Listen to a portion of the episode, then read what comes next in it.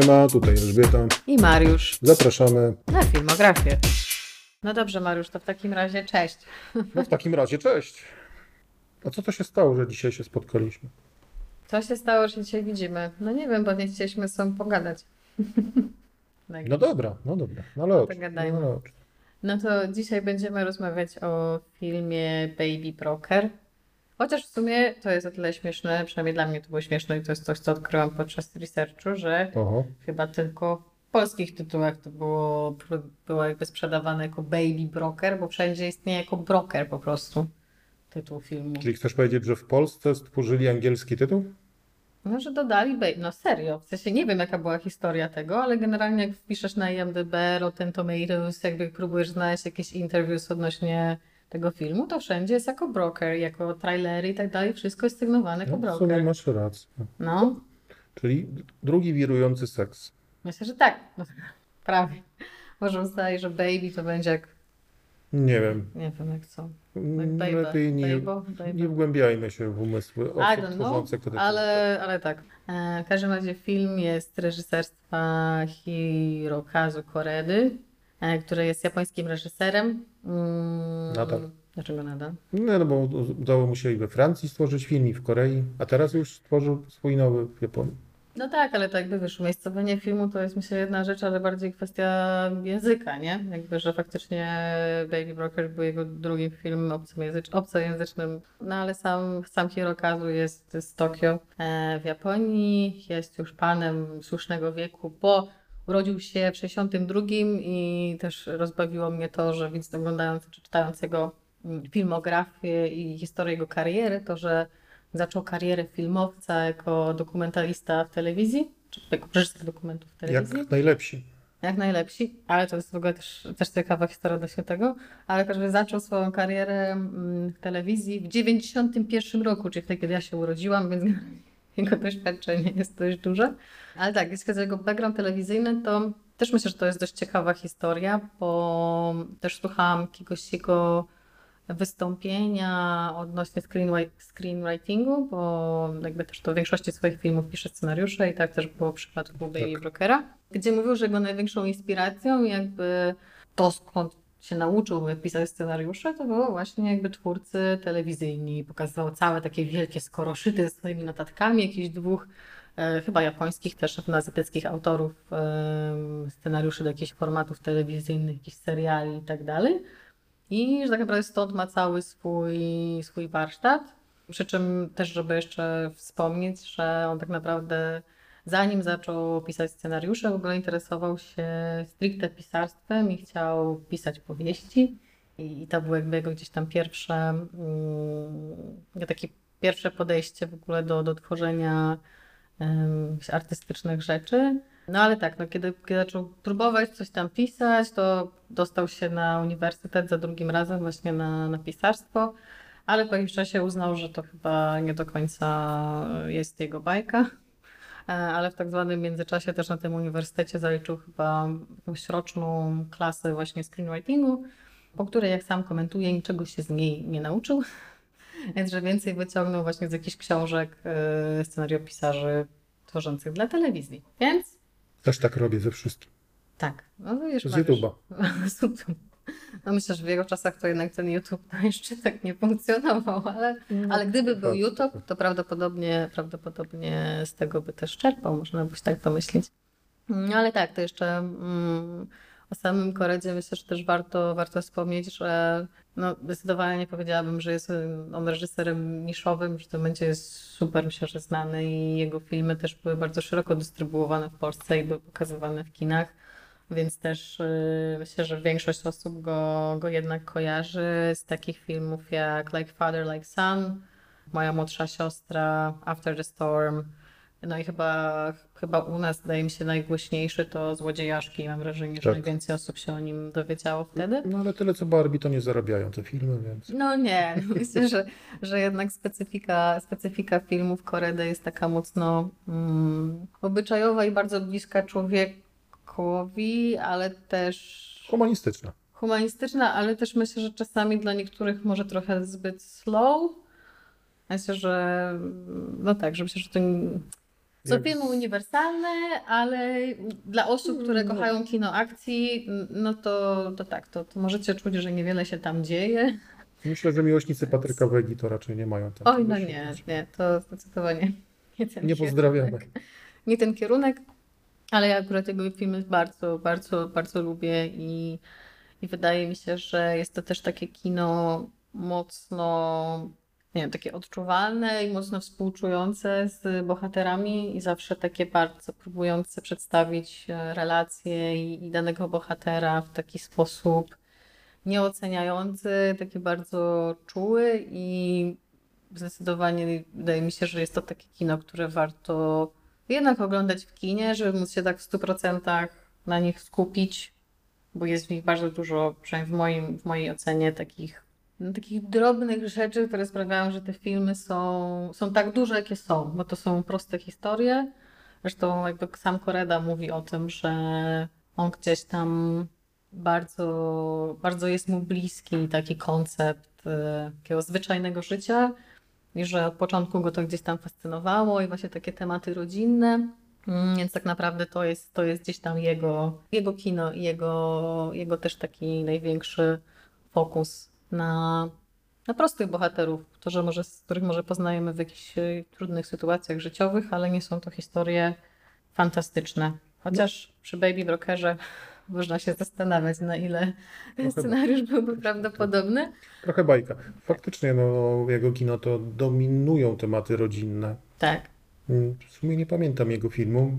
Nie wiem, czy wszystkie widziałem, to teraz jakby nie czas, żeby robić sobie rachunek sumienia, ale to, co widziałem, to rodzina była takim głównym tematem i nie zawsze to była też rodzina krwi.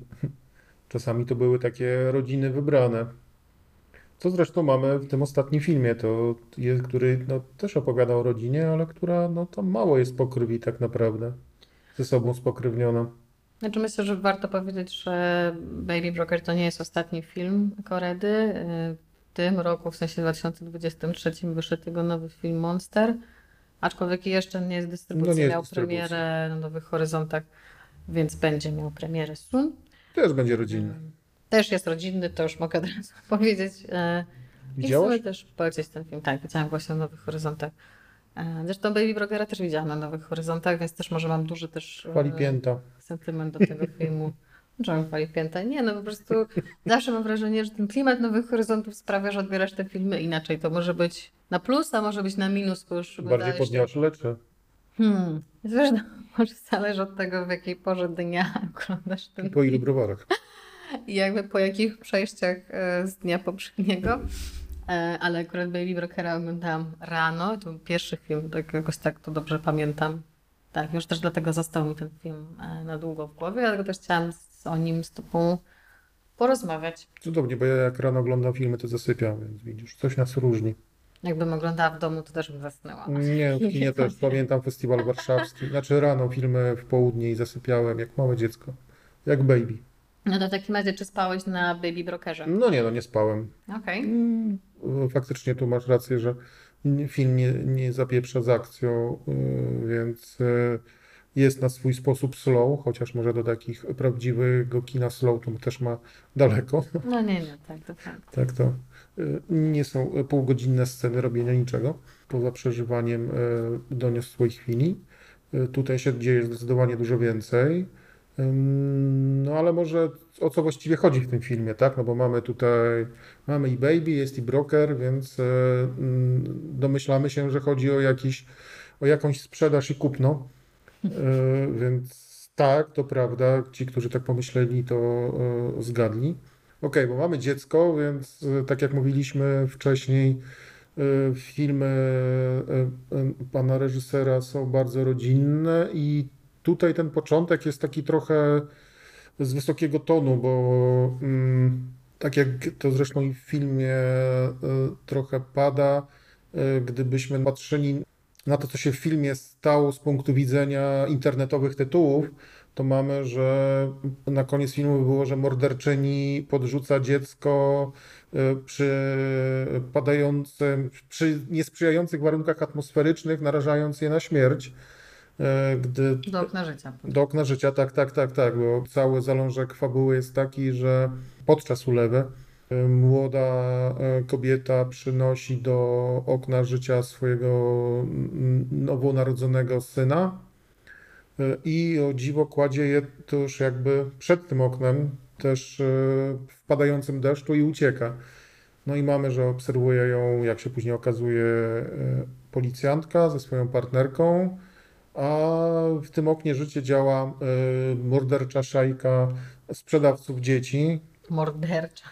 Dlaczego mordercza? O, słuchaj, no bo wiesz, tak, musi być, musi być ktoś zły, musi być ktoś dobry, e, co właśnie też e, jest fajne w filmach e, tego pana, to nie jest do końca takie jasne.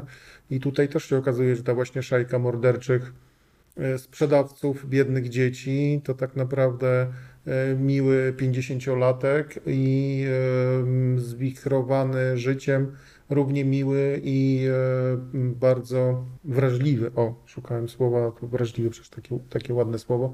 Wrażliwy młodzieniec, którzy faktycznie przy okazji e, sprzedają dzieci, ale też, e, co bardzo mnie to ujęło, e, raz, że mm, najstarszy członek gangu super o nie dba i widać, że jest bardzo, jest, no, jest dobrym człowiekiem, któremu y, widocznie coś się po drodze zwichrowało i ma taki zarobek, a nie inny, y, że nawet sprawdza jakby kupców potencjalnych, czy, czy na pewno to są dobrzy ludzie, czy nie sprzedadzą tego dziecka za granicę. Początek jest taki trochę mm, nietypowy, mm, bo najczęściej, kiedy zdarza się, że jest jakaś, zawiązuje się fabuła, to jasno jest określane, że ci ludzie są źli, bo i widać, że jakiś e, aktor o okropnym ryju gra tego złego.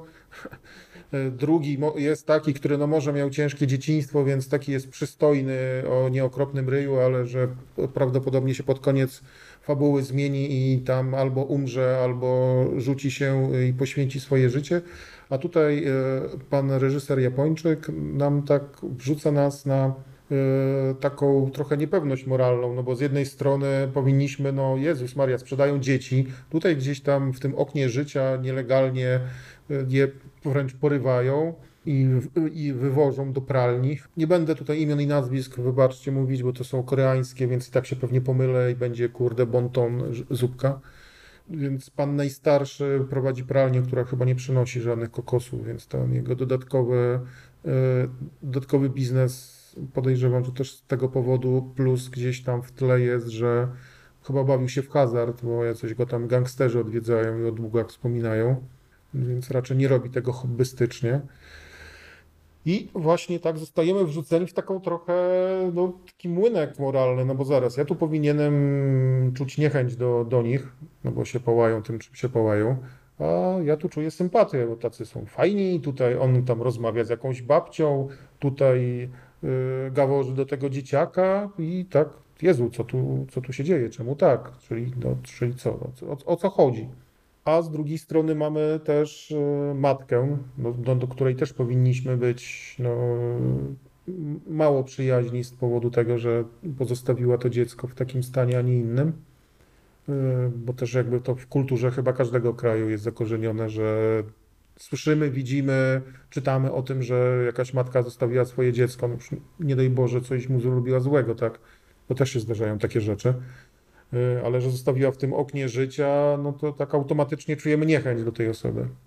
No i tutaj faktycznie do niej ona tak jest zagrana i prowadzona, że no początkowo czujemy mocną niechęć, bo jest taka mocno pyskatą, jest mocno pyskatą czy nastolatką, to może za dużo powiedziane, no ale jednak tam dwudziestoparoletnią kobietą, która no szybko okazuje się, że jest e, seks workerką, czy była i że też przy okazji zabiła ojca tego dziecka. Mm, W wyniku jakiejś kłótni jest poszukiwana przez policję. I co? I, i co dalej?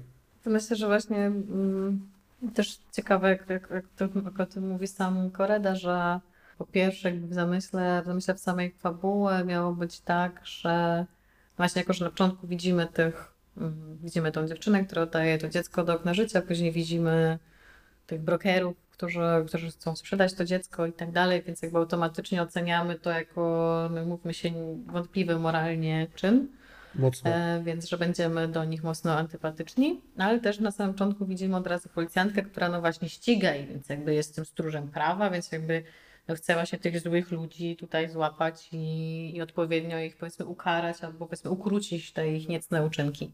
Więc jego założenie było takie, że na początku będziemy empatyzować właśnie z policjantką, jako tą osobą właśnie no, ze służby, która próbuje zaprowadzić porządek.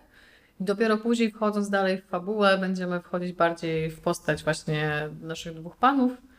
I no i w miarę rośnięcia fabuły będziemy bardziej empatyzować też z bohaterką. To by nie wyszło. Znaczy wiesz, myślę, że to kwestia, kwestia jakby już e, subiektywnej oceny oczywiście, ale mówię, jakie było założenie. Mhm.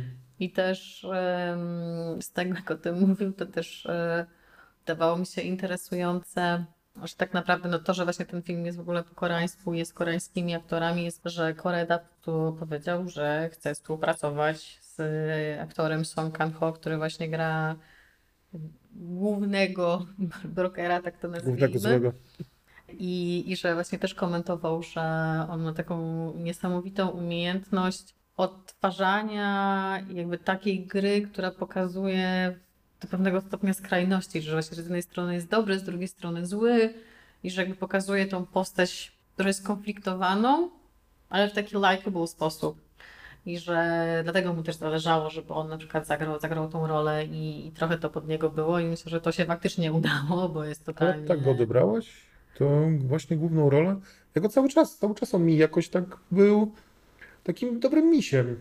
Okej, robiącym no, wątpliwie moralną rzecz, no bo sprzedającym dzieci, ale to tak jak on, pamiętasz scenę mm, na początku? Tak, ale to wiesz, no to jakby no to sprzedawanie dzieci dalej nie jest dobrą rzeczą, więc no też nie mogę powiedzieć, że od samego, że od samego początku uważałam, że on jest super, bo nie jest. No nie, no może nie, nie aż tego o tak, ale chodzi, bo sam ten fakt sprawia, że, że myślisz, że ta osoba jest, no jest złoczyńcą, tak? No that's it. No to jakby tutaj jest dość prosta, prosta zależność, jest to po prostu niezgodne z prawem i jest to po prostu handel ludźmi, więc i to jeszcze niemowlakiem.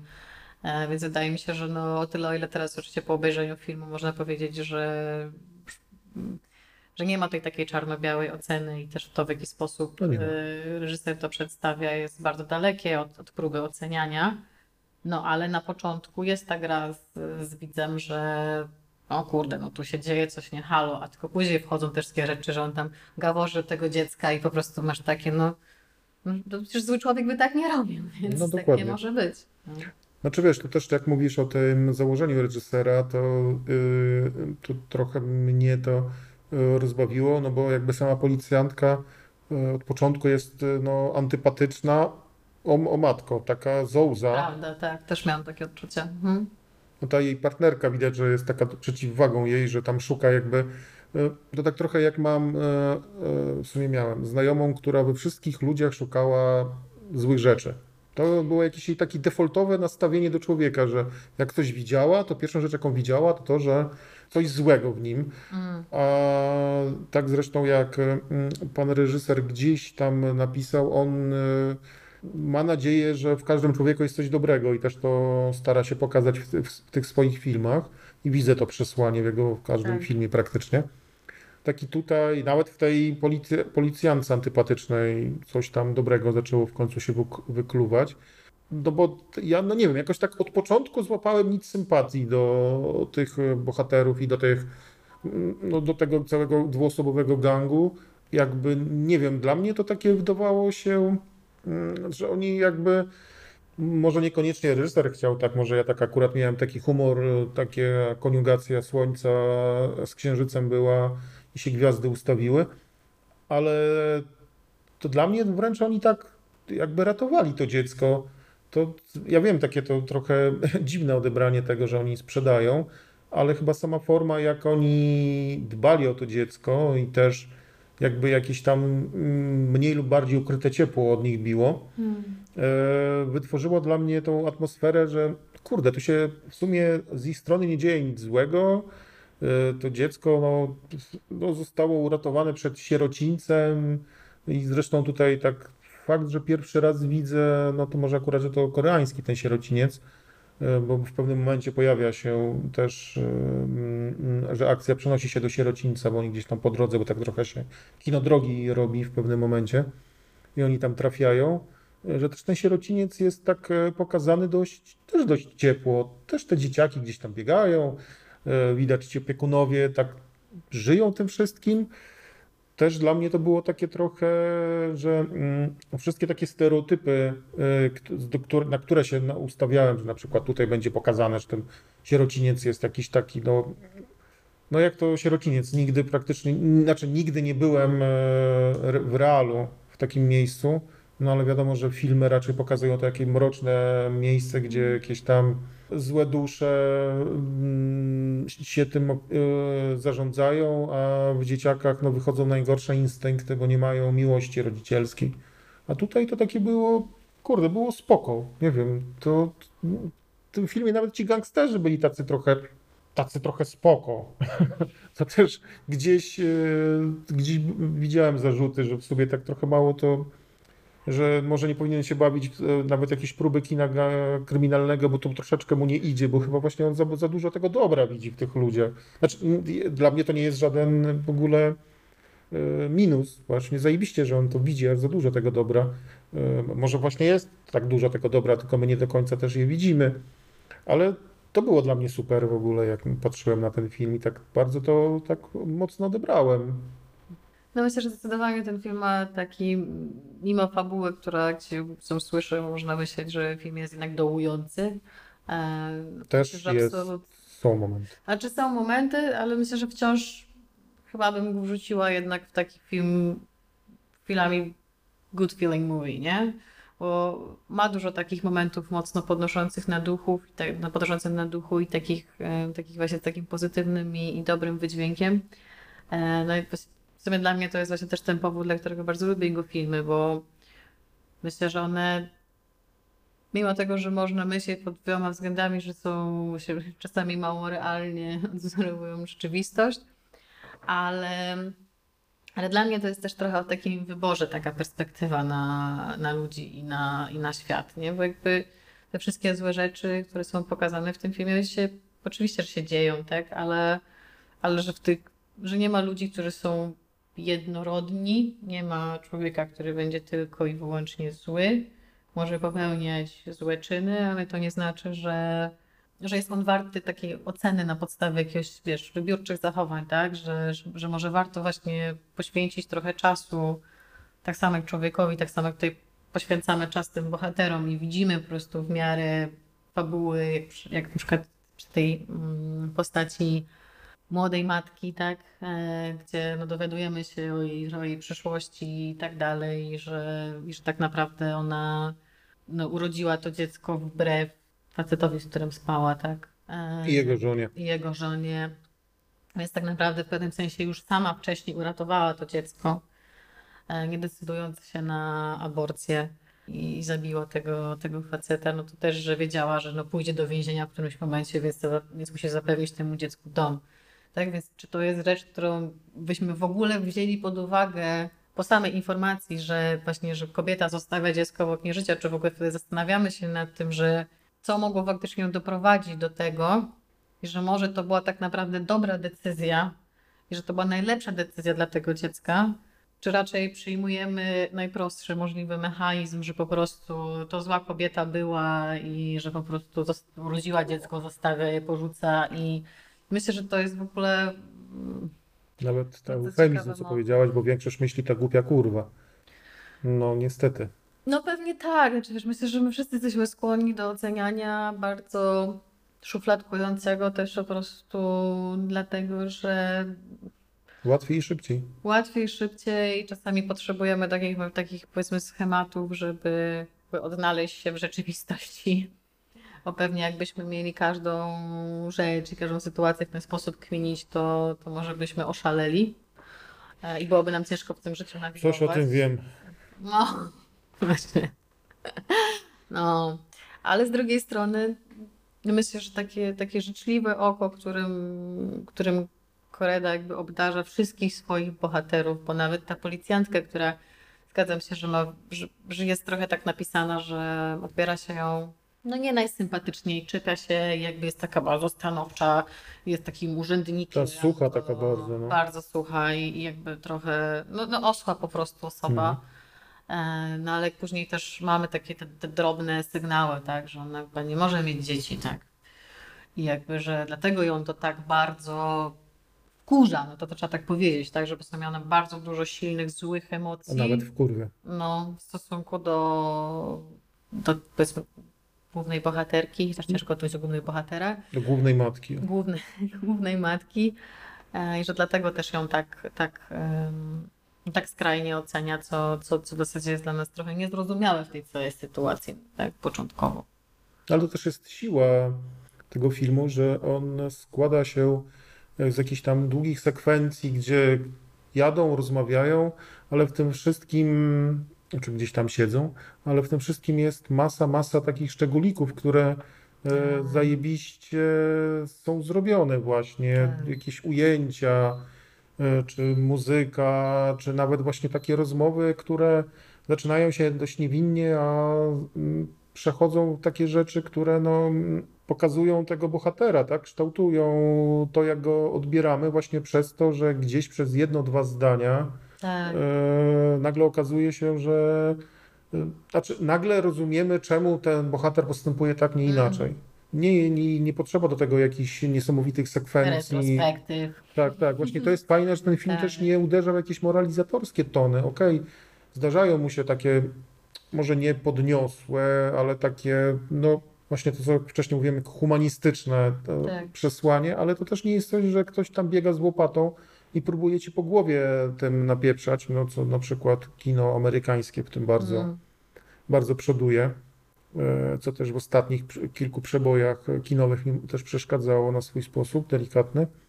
A tutaj mamy to takie subtelne bardzo. No przecież pamiętasz tą scenę w tym, na tym diabelskim młynie? Mm. Ona była niesamowita, gdzie z jednej strony mamy e, taką rodząco się uczucie pomiędzy e, na, na, najstarszym, że tak powiem, e, bohaterem, a e, dzieckiem, które przypadkiem, znaczy no nie przypadkiem, tylko świadomie zaplątało się w ich samochód, żeby tam Wszystko genialny ten dzieciak. tak, jest, jest, naprawdę. Podobno sam reżyser stwierdził, że już miał go dość. Po prostu wszędzie się Dzieci na ten dzieciak, planie. wszędzie się dzieciak stawiał i to widać, że to widać w jego sposobie bycia. Że... Charyzmatyczny. Tak, tak, tak. No i to jest w ogóle niesamowite, że gdzieś tam dzieciak, który właśnie tu mówiłem wcześniej, że niby ten sierociniec jest pokazany tak jakoś taką wspólnotą, która no, działa, że oni też długo po tym, nawet jak już się dorosną, wyprowadzają, to jednak wracają do niego, chociaż to było takie trochę smutne, że po prostu też nie, nie do końca radzą sobie w życiu.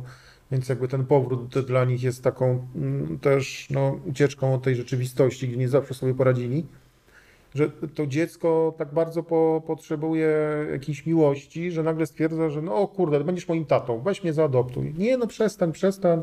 Nagle się okazuje, że dzieciak, wiesz, siedzi w samochodzie gdzieś tam ukryty i, i to jest fajne, że też go nie, nie, nie odwozi, no chociaż jest zaszantażowa, za- zostają zaszantażowani, ponieważ e, nasz sprytny, e, sprytny chłop, chłopaczek e, wszystko słyszy i cały ich plan i widać, że rozumie więcej niż powinien. Tak.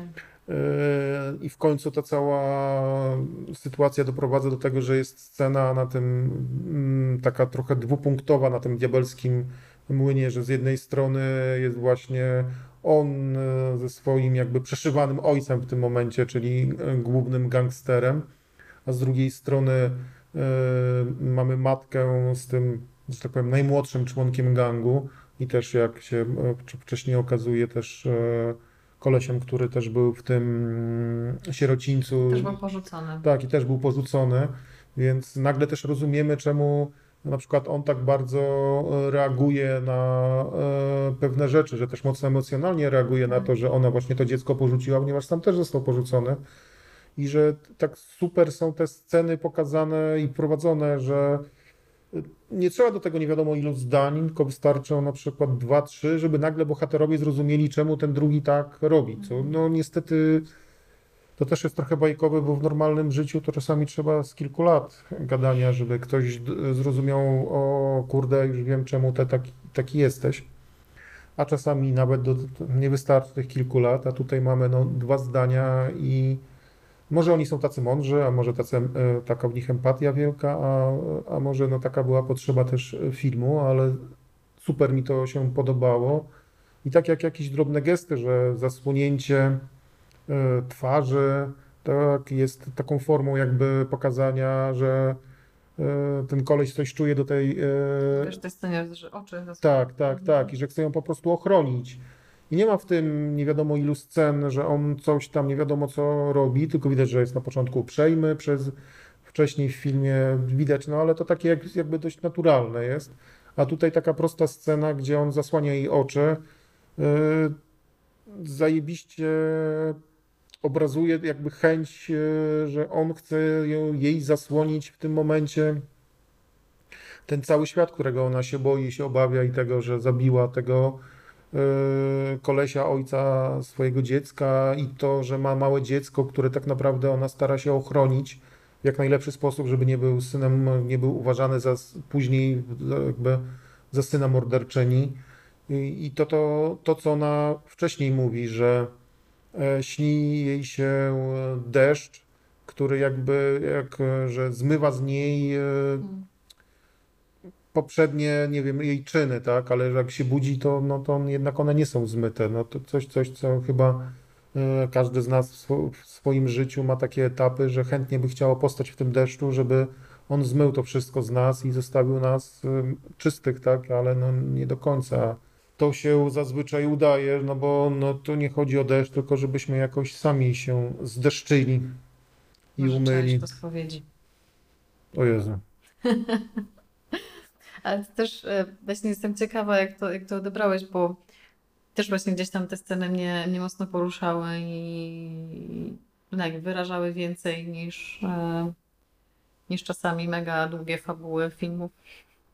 Ale też zastanawiam się właśnie, jak, jak odczuwałeś w ogóle sam fakt tego, że no tak naprawdę ta dość przypadkowa gromadka, no było tyle, o ile dwóch panów trudniących się handlem jakby no, znało się, tak? Nie wiemy jak długo, no ale jakby znali się, więc mieli już jakąś ugruntowaną relację, ale wszystkie pozostałe osoby, no to trochę taka wiesz, przypadkowa grupka ludzi, która się gdzieś tam zbliża do siebie przypadku sytuacji, w której się wszyscy w jakiś sposób razem znaleźli i dla mnie to było też niesamowite do, do, do oglądania w takim sensie, że no po prostu tam w jakiś niesamowicie szybki sposób e, no, tworzy się po prostu taka trochę instant rodzina, bo oni nie tworzą związku, tak? Nie ma romansu jak, jako takiego, tak? W sensie, no coś jest tam jakiś coś tam tak, czuć, że się coś tak, się tak. dzieje, jest jakieś uczucie, no ale nie jest taki, wiesz, klasyk romans, nie? Wchodzimy i wtedy wiemy, że jest ta relacja. Tylko to wszystko jest takie bardzo, bardzo bliskie, takie ogromnie też jakieś takie, nie wiem, życzliwe, że oni po prostu są tam dla siebie i też mam wrażenie, że no to pewnie też przez to po prostu jak kamera też to przedstawia, jak to jest poprowadzone, ale że jest w tym też ogromnie dużo takiej uważności dla drugiej osoby. Um, wiesz, nie, niekoniecznie wyrażonej hej, widzę cię, nie? Jakby nie, oni tego nie mówią, ale tam są pokazane takie drobne gesty i pamiętam też właśnie tę scenę, która też mnie gdzieś tam bardzo mocno poruszyła, że właśnie taka, taka drobnostka jakby jest w stanie pokazać, że, że na kimś ci zależy w jakiś sposób, że osoba nie jest ci obojętna, że chcesz, chcesz o nią zadbać, że jakby jesteśmy w tym razem w pewnym sensie. Jak no właśnie jak, jak jeden z gangsterów grany przez, uwaga, Song Kang-ho. Drugi raz użyję.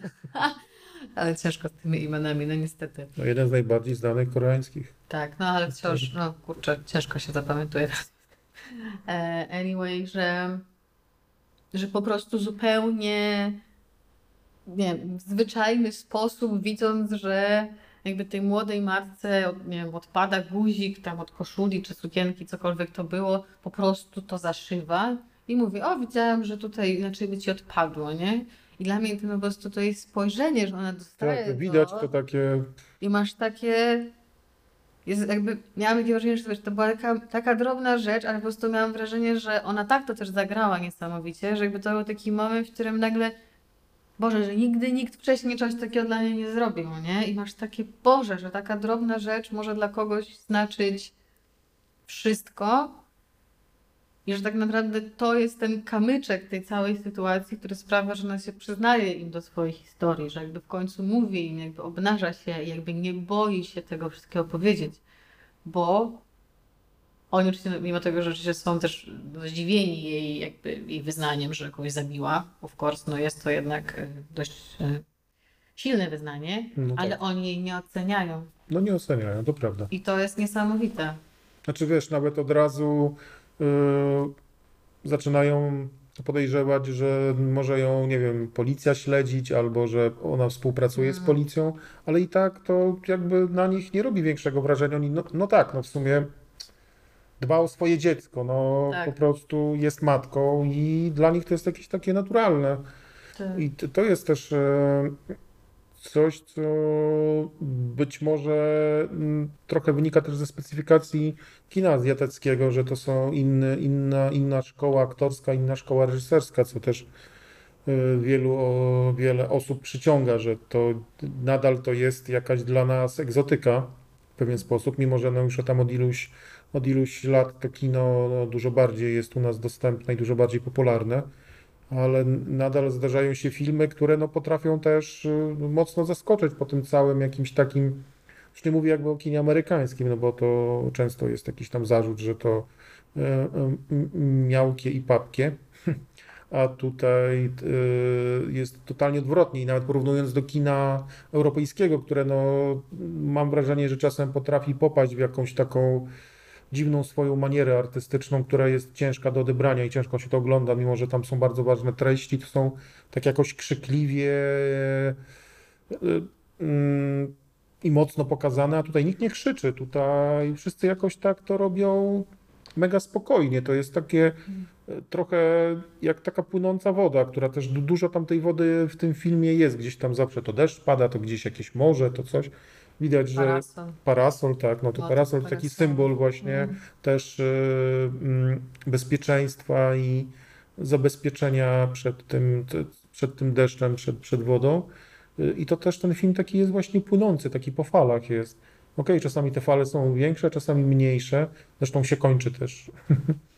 Y, Dużo jest tam, no przy końcu dużo jest jakby i plaży, i morza. Też ten film taki był dla mnie, że taki no trochę kojący w swoim e, tym takim wodno-falowym e, odbiorze przeze mnie.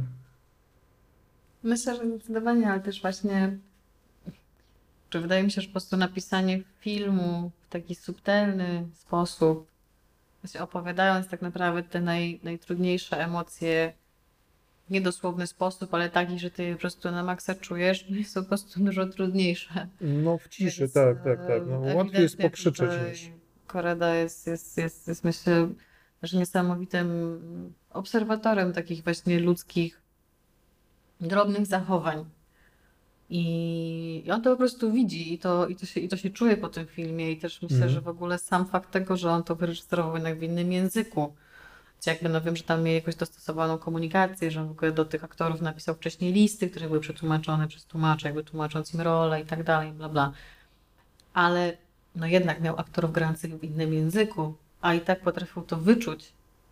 I tak musiał też to dobrze wszystko napisać, żeby te sceny wybrzmiały tak, tak silnie emocjonalnie. To jest myślę, że w ogóle świadczy też o ogromnym talencie, ale Znaczy też- i jego, i ich tak naprawdę. tak, oczywiście, no to jest jakby zawsze praca, praca zbiorowa, no ale jakby mówię, mówię o nim w kontekście no jednak reżysera, raczej tej głowy powiedzmy całego projektu, która, która też daje mu, no daje mu serce, tak?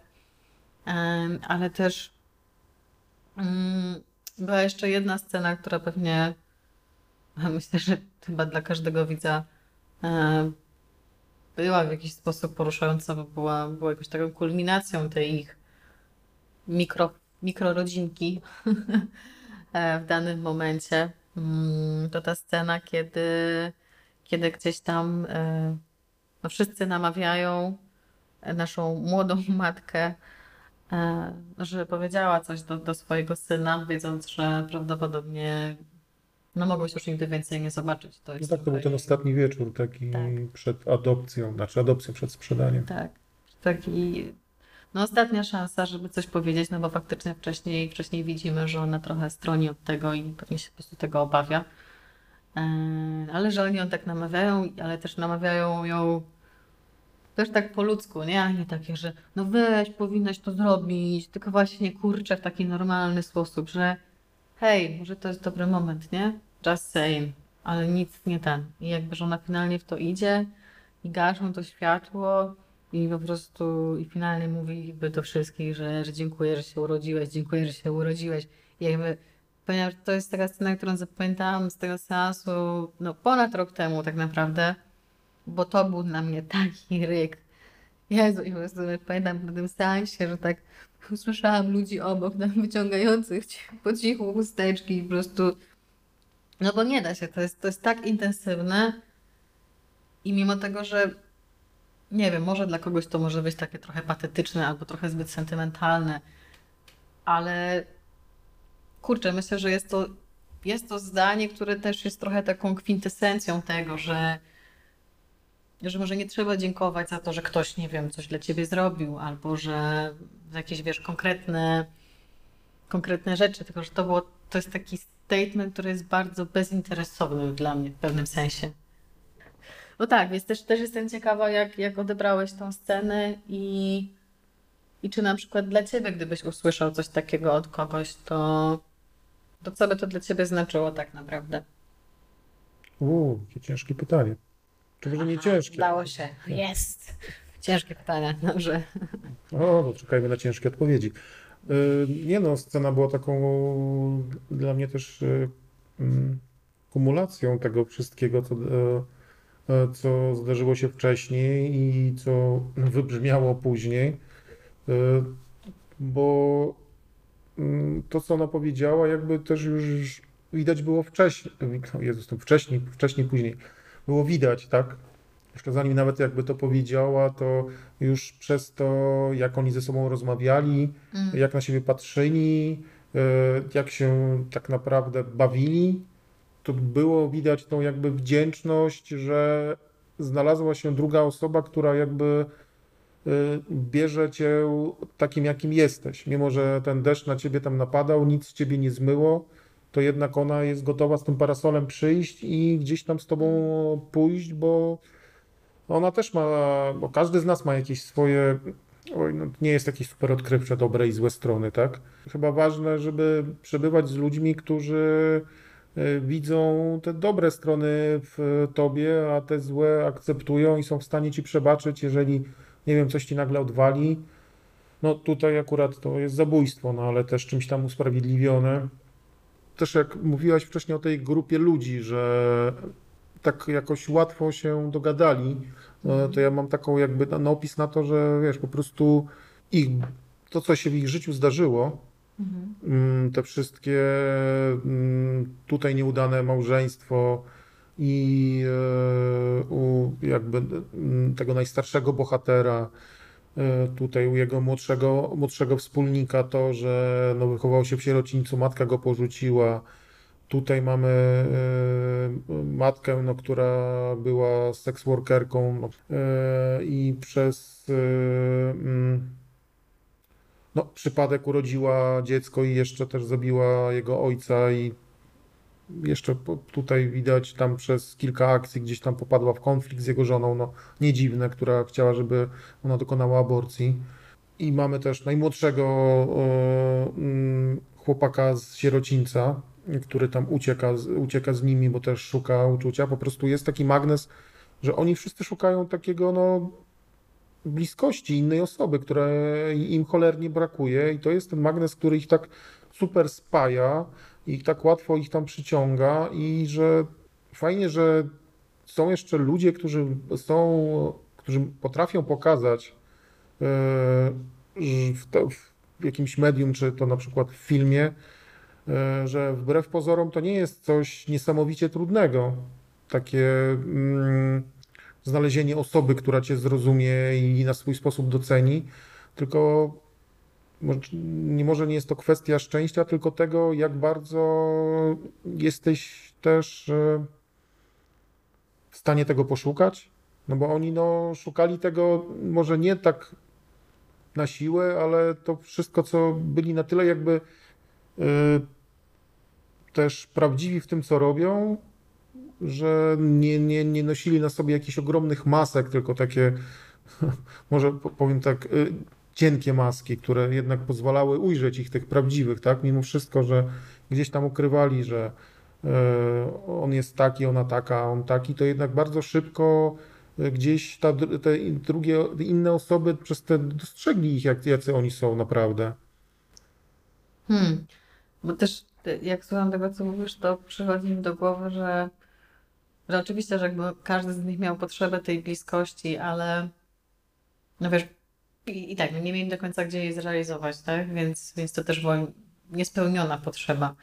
Ale no myślę, że bardzo dużo ludzi jakby chowa w sobie taką potrzebę, ale też myślę, że jakby sztuką jest też na nią odpowiedzieć, nie? W No tak, sensie, no, że oni tutaj odpowiedzieli właśnie. oni ten, w to weszli. I teraz też tak trochę, też jak o tym myślę, mm, przyszło mi do głowy też jedna rzecz, że czy dla nich to nie było łatwiejsze w takim sensie, że, że te cienkie maski też wynikały z tego, że oni poznali się już w momencie, gdzie każdy z nich zrobił coś złego i było wiadomo, nie? Jakby oni zostali przyłapani na tym, że chcą sprzedać niemowlaka. Ona zostawiła dziecko w oknie życia, więc jakby, wiesz, już masz z góry takie coś, że już nie próbujesz tworzyć wizerunku siebie jako y, wspaniałego, perfekcyjnego obywatela, charyzmatycznego człowieka i w ogóle personę idealną, y, bo każdy taką maskę jakąś ma, powiedzmy. Grubą. Swoją najlepszy, najlepszej, y, najlepszej swojej wersji, która może być prawdziwa. Maska tinderowa, że tak powiem. Tak, przefiltrowana, ale a oni tutaj po prostu są trochę do pewnego stopnia już są obnażeni na wejście. Więc też jak zastanawiam, czy, czy to też nie pozwoliło im dużo łatwiej wejść w to, bo oni już musieli w pewien sposób zaakceptować tą, tą sytuację i wiadomo, że na początku też były takie tam, wiesz, trochę niesnaski, trochę dogadywanie, coś No tam, oczywiście, tak. ale no, no nie wiem, może, może to jest grubo powiedziane, ale w pewnym sensie poznali się już jako po prostu ludzie. Jakby, wiesz, nie jako No nie najlepsza wersja persony, się tylko poznali. po tak, prostu tak. hej, here I am, nie? I jakby zrobiłem to i to, nie jest to super, możesz to tak odbierać, ale jesteśmy w tej sytuacji, więc jakby jesteśmy w niej razem, tak? I, i myślę, że to jest taka rzecz, której, którą ciężko jest w pewnym sensie no, stworzyć w realnym życiu i w takich normalnych sytuacjach, bo raczej kogoś poznajesz albo masz jakieś tam różne, różne środowiska, no to, to żeby, nie wiem, dowiedzieć się o sobie nawzajem jakichś takich trudniejszych rzeczy, e, które, które mogą być, które mogą zbliżyć tą, jakby, wiesz, zacieśnić tą relację, no jednak po prostu wymaga to ogromnego zaufania, nie? Jakby też takiego właśnie obnażenia się, i i z cienką maską i zupełnie bez niej i a tutaj oni już po prostu wchodzą z tym i nigdy nie musieli podejmować tej decyzji, żeby się odsłonić, bo po prostu poznają się w momencie, kiedy są już odsłonieni, jakby jest to czynnik niezależny od nich. No Nie? tak i też, bo uciekłem tak trochę od tej odpowiedzi, gdzieś tam się trochę zamotałem o to e, scenę mm, przy zgaszonym świetle. Właśnie Mhm. chciałem do tego wrócić, że mimo tych cienkich masek i tak symbolicznie musieli zgasić to światło, żeby no nie widzieć siebie, no bo no nie ukrywajmy jednak tak ważne rzeczy mm, o dziwo łatwiej się mówi, kiedy nie widzisz tej drugiej osoby. E, Też nie wiem, czy to jest jakiś właśnie strach pierwotny. To, to, to jest ciekawe. To już trzeba było się jakichś specjalistów zapytać, co może. Ja no rozumiem, że to jest Kiedyś jakby łatwiej. No, Mamy tutaj kota, Osoby specjalistę. On się patrzy na nas tak, jakby nas oceniał przez Kot cały czas. zawsze zaproszony. Tak. e, No, no oczywiście tutaj możemy pójść jakby taką mm, najniższą, najsłabszą linią obrony, że no kwestia strachu i w momencie, kiedy jest zgaszone światło, to mm, łatwiej nam to powiedzieć, bo no, tak jakbyśmy byli gdzieś schowani za firanką, tak? Albo pod kołde, ko, ko, kołderką. E, Ale odpowiadając w końcu na to twoje Jezu. pytanie, ja wiem, wiem, była mega, mega emocjonalna. Może e, nie musiałem wyciągać tony chusteczek, ale gdzieś tam e, w środku siebie też się bardzo wzruszyłem. E, Bóg mi świadkiem. I hmm, to, to jakby ta sama formuła, że dziękuję za to, że się urodziłeś, tak? Gdzie ona mówi to wszystkim tam świadkom i uczestnikom, mm, to dla mnie nawet zabrzmiało mocniej niż e, to takie nasze milion razy powtarzane kocham cię, tak? Mm. Bo jednak e, to słowo kocham cię, mimo że ma ogromną moc, też stało się takim trochę walentyn, walentynkowym e, Memem. prezentem, memem, o, właśnie, że no, no wyświechta, wyświechtało się. A tutaj mamy coś tak niesamowicie, no nie wiem, nawet pierwotnego, no to są urodziny, tak? Więc jakiś tam ogromne, ogromnie ważna rzecz, rzecz w naszym życiu, gdzie, tego nie było. tak, gdzie druga osoba y, mówi ci, że dziękuję za to, że się urodziłeś, to jednocześnie akceptuje cię, no, że tam od stópek do czubka głowy, tak? Więc to jest taka, no, podziękowanie i akceptacja totalna. Mm. Coś takiego, no, mega niesamowitego i tutaj jeszcze tak super to było przedstawione, bez zbędnej jakiejś, nie wiem, slomo, y, jakiegoś trapu w tle i czegośkolwiek, że no, naprawdę było tak y, po ludzku, swojsko, prawdziwie. Mm. Się mi się wydaje, że też zastanawiałam się nad tym tekstem, jakby dlaczego on jest aż tak mocny i aż tak wzruszający. I wydaje mi się, że tak jak mówisz, że to jest po prostu tej takiej full akceptacji, ale też kurczę, nie wiem, miałam taką rozkminę, że to jest też od, trochę takiej walidacji od drugiej osoby, że hej, jakby jak to miejsce, które zajmujesz w świecie jest twoje i ono też jest ważne. W sensie, że, że to jest nie tylko o tym, że właśnie jak się mówi kocham cię, to że jakby kocham cię jako osobę, kocham cię jako człowieka i tak dalej, tylko to, że cieszę się, że jesteś w tym świecie po prostu i że jakby cieszę się, że jest, że jest ten skrawek ogromnego wszechświata, w którym, w którym się znalazłeś znaleźliśmy się w tym samym czasie i po prostu i sobie jesteśmy i tyle. I jakby myślę, że to trochę pije do jakiejś takiej potrzeby, która wydaje mi się, że no może jest jakaś taka pierwotna, nie? Że no osoby, które gdzieś tam zmagają się z depresją, czy, czy właśnie zastanawiają się nad sensem życia i tak dalej, to też czasami mogą odczuwać, że, że niepotrzebnie zajmuję to miejsce, nie? Że jestem zupełnie tutaj niepotrzebny, że nikt mnie nie widzi. A dla mnie ten tekst jest też o tym, że po prostu widzę cię. Widzę cię tak, jak jesteś, tacy enough i po prostu Mimo zgaszonego światła. mimo zgaszonego światła, ale metaforycznie Tak. widzę cię i, i tak, i tyle. I nawet ten deszcz nie jest potrzebny. Ani parasol, ani, Ani deszcz. teraz, ani deszcz. No, Koreda jest super pod tym względem, naprawdę. To jest mistrz takich momentów. I co ciekawe, te filmy są dość podobne do siebie, a mimo wszystko każdy jakoś ogląda się z... Tak, tak. inaczej. To prawda. Ma bardzo. Bo tutaj były zarzuty, tam widziałem, są tam po niektórym. A, psz, niech obejrzą sobie tą scenę i przestaną dawać zarzuty, bo. O, to trzeba cały film obejrzeć, a ta scena jednak lepiej wybrzmiewa przy całym Of course, ale wiesz. wiesz, Wiem, wiem, wiem, chodzi, wiem, że, że takie tak. sceny właśnie pokazują mm, mistrzostwo takich filmów, ale też no dla mnie też właśnie jakąś taką kwintesencję kina takiego współodczuwającego, nie? Że, że to naprawdę jest, jest duże przeżycie. Tak. No dobrze, Mariusz. O Jezu, wiem do czego to zmierza.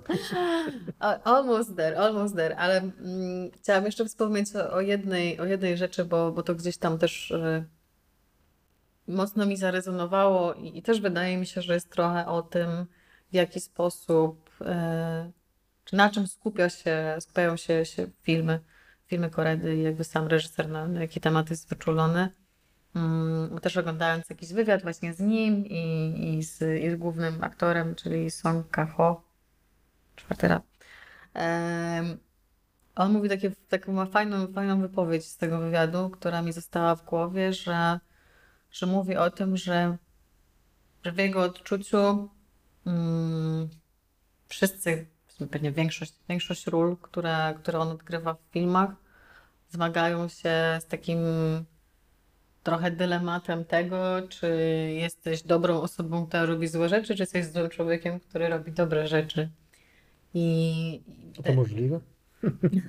Hmm, no to trzeba sobie to powiedzieć, ale, ale podobało mi się to, bo, bo później to też kończy tym, że, że właśnie, że jakby, no to też trywialnie trochę może brzmi, ale i patetycznie, ale, ale jest to, sporo prawdy, że no, że jakby nie ma, że i dobro i zło w jakiś sposób są, koegzystuje i że ten dylemat, który jest przedstawiany w tych filmach i w tych bohaterach, którzy trochę są ambiwalentni w pewnym sensie, jest po prostu takim dylematem, który, który do jakiegoś stopnia każdy z nas odczuwa przez sam fakt funkcjonowania w społeczeństwie i że takich trudnych wyborów, które są niejednoznaczne i które są bardzo mocno w tej strefie szarości, przez po prostu milion różnych y, jak powiem, gradientów tego, tego odcieni. No jest po prostu takim doświadczeniem każdego człowieka i tyle. Może nie zawsze aż tak dramatycznym, że mówimy o morderstwie i, i o sprzedaży bobasów, ale może na mniejszą skalę. Ale to jest coś, co myślę, że jest bliskie no, każdemu. Żyjemy w szarości. Tak. Znaczy, Ja to- albo Powiem w tak jak... pierdeliardzie różnych kolorów, wolę w sumie tą opcję, ale tak. Mm, to, czyli tęcza. Czyli Czyli tęcza. tęcza, no. No tak, różne kolorki. Kolorki fajne. Ale tak. Mm, Więc słowem końca, Mariusz, zadam moje fantastyczne pytanie, dlatego że ostatnim Pytaniem razem... końca. Pytaniem końca. e, twoje będzie słowo końca, moje będzie pytanie końca, którego ostatnio nie dałeś mi zadać, więc Na rany Chrystusa. szachmat. E, No właśnie, więc co wyniosłeś z tego filmu? Co, co z tobą zostanie? Tęcza. No okej. Czyli nie parasol. Nie, parasol. parasol. Ja nie lubię parasoli. Nigdy w życiu nie miałem parasola. To już wiem, co ci kupię na urodziny. O matko. Tęczowy parasol. O No, matko. zajebiście, muszę sobie O matko. Dobrze, że to tak daleko No właśnie, rodzin. Może zapomnieć. zapomnieć, ale nie, Albo- zawsze sobie robię notatki, jeśli chodzi o takie rzeczy, Mariusz, więc trust me, jakby Fuck, za dwie sekundy zrobię notatkę i do niej wrócę za rok. No dobrze. Widzisz, a ja tak wolę ten deszcz, który mi tam zmywa i nie zmywa. A tu będę miał parasol. No dobrze. To dziękuję, a przyszły prezent. Już awansem. Dzięki, Mariusz. Fajnie Dziękuję, było pogadać. Elżbieto. See you. Pa. Pa. See you, pa.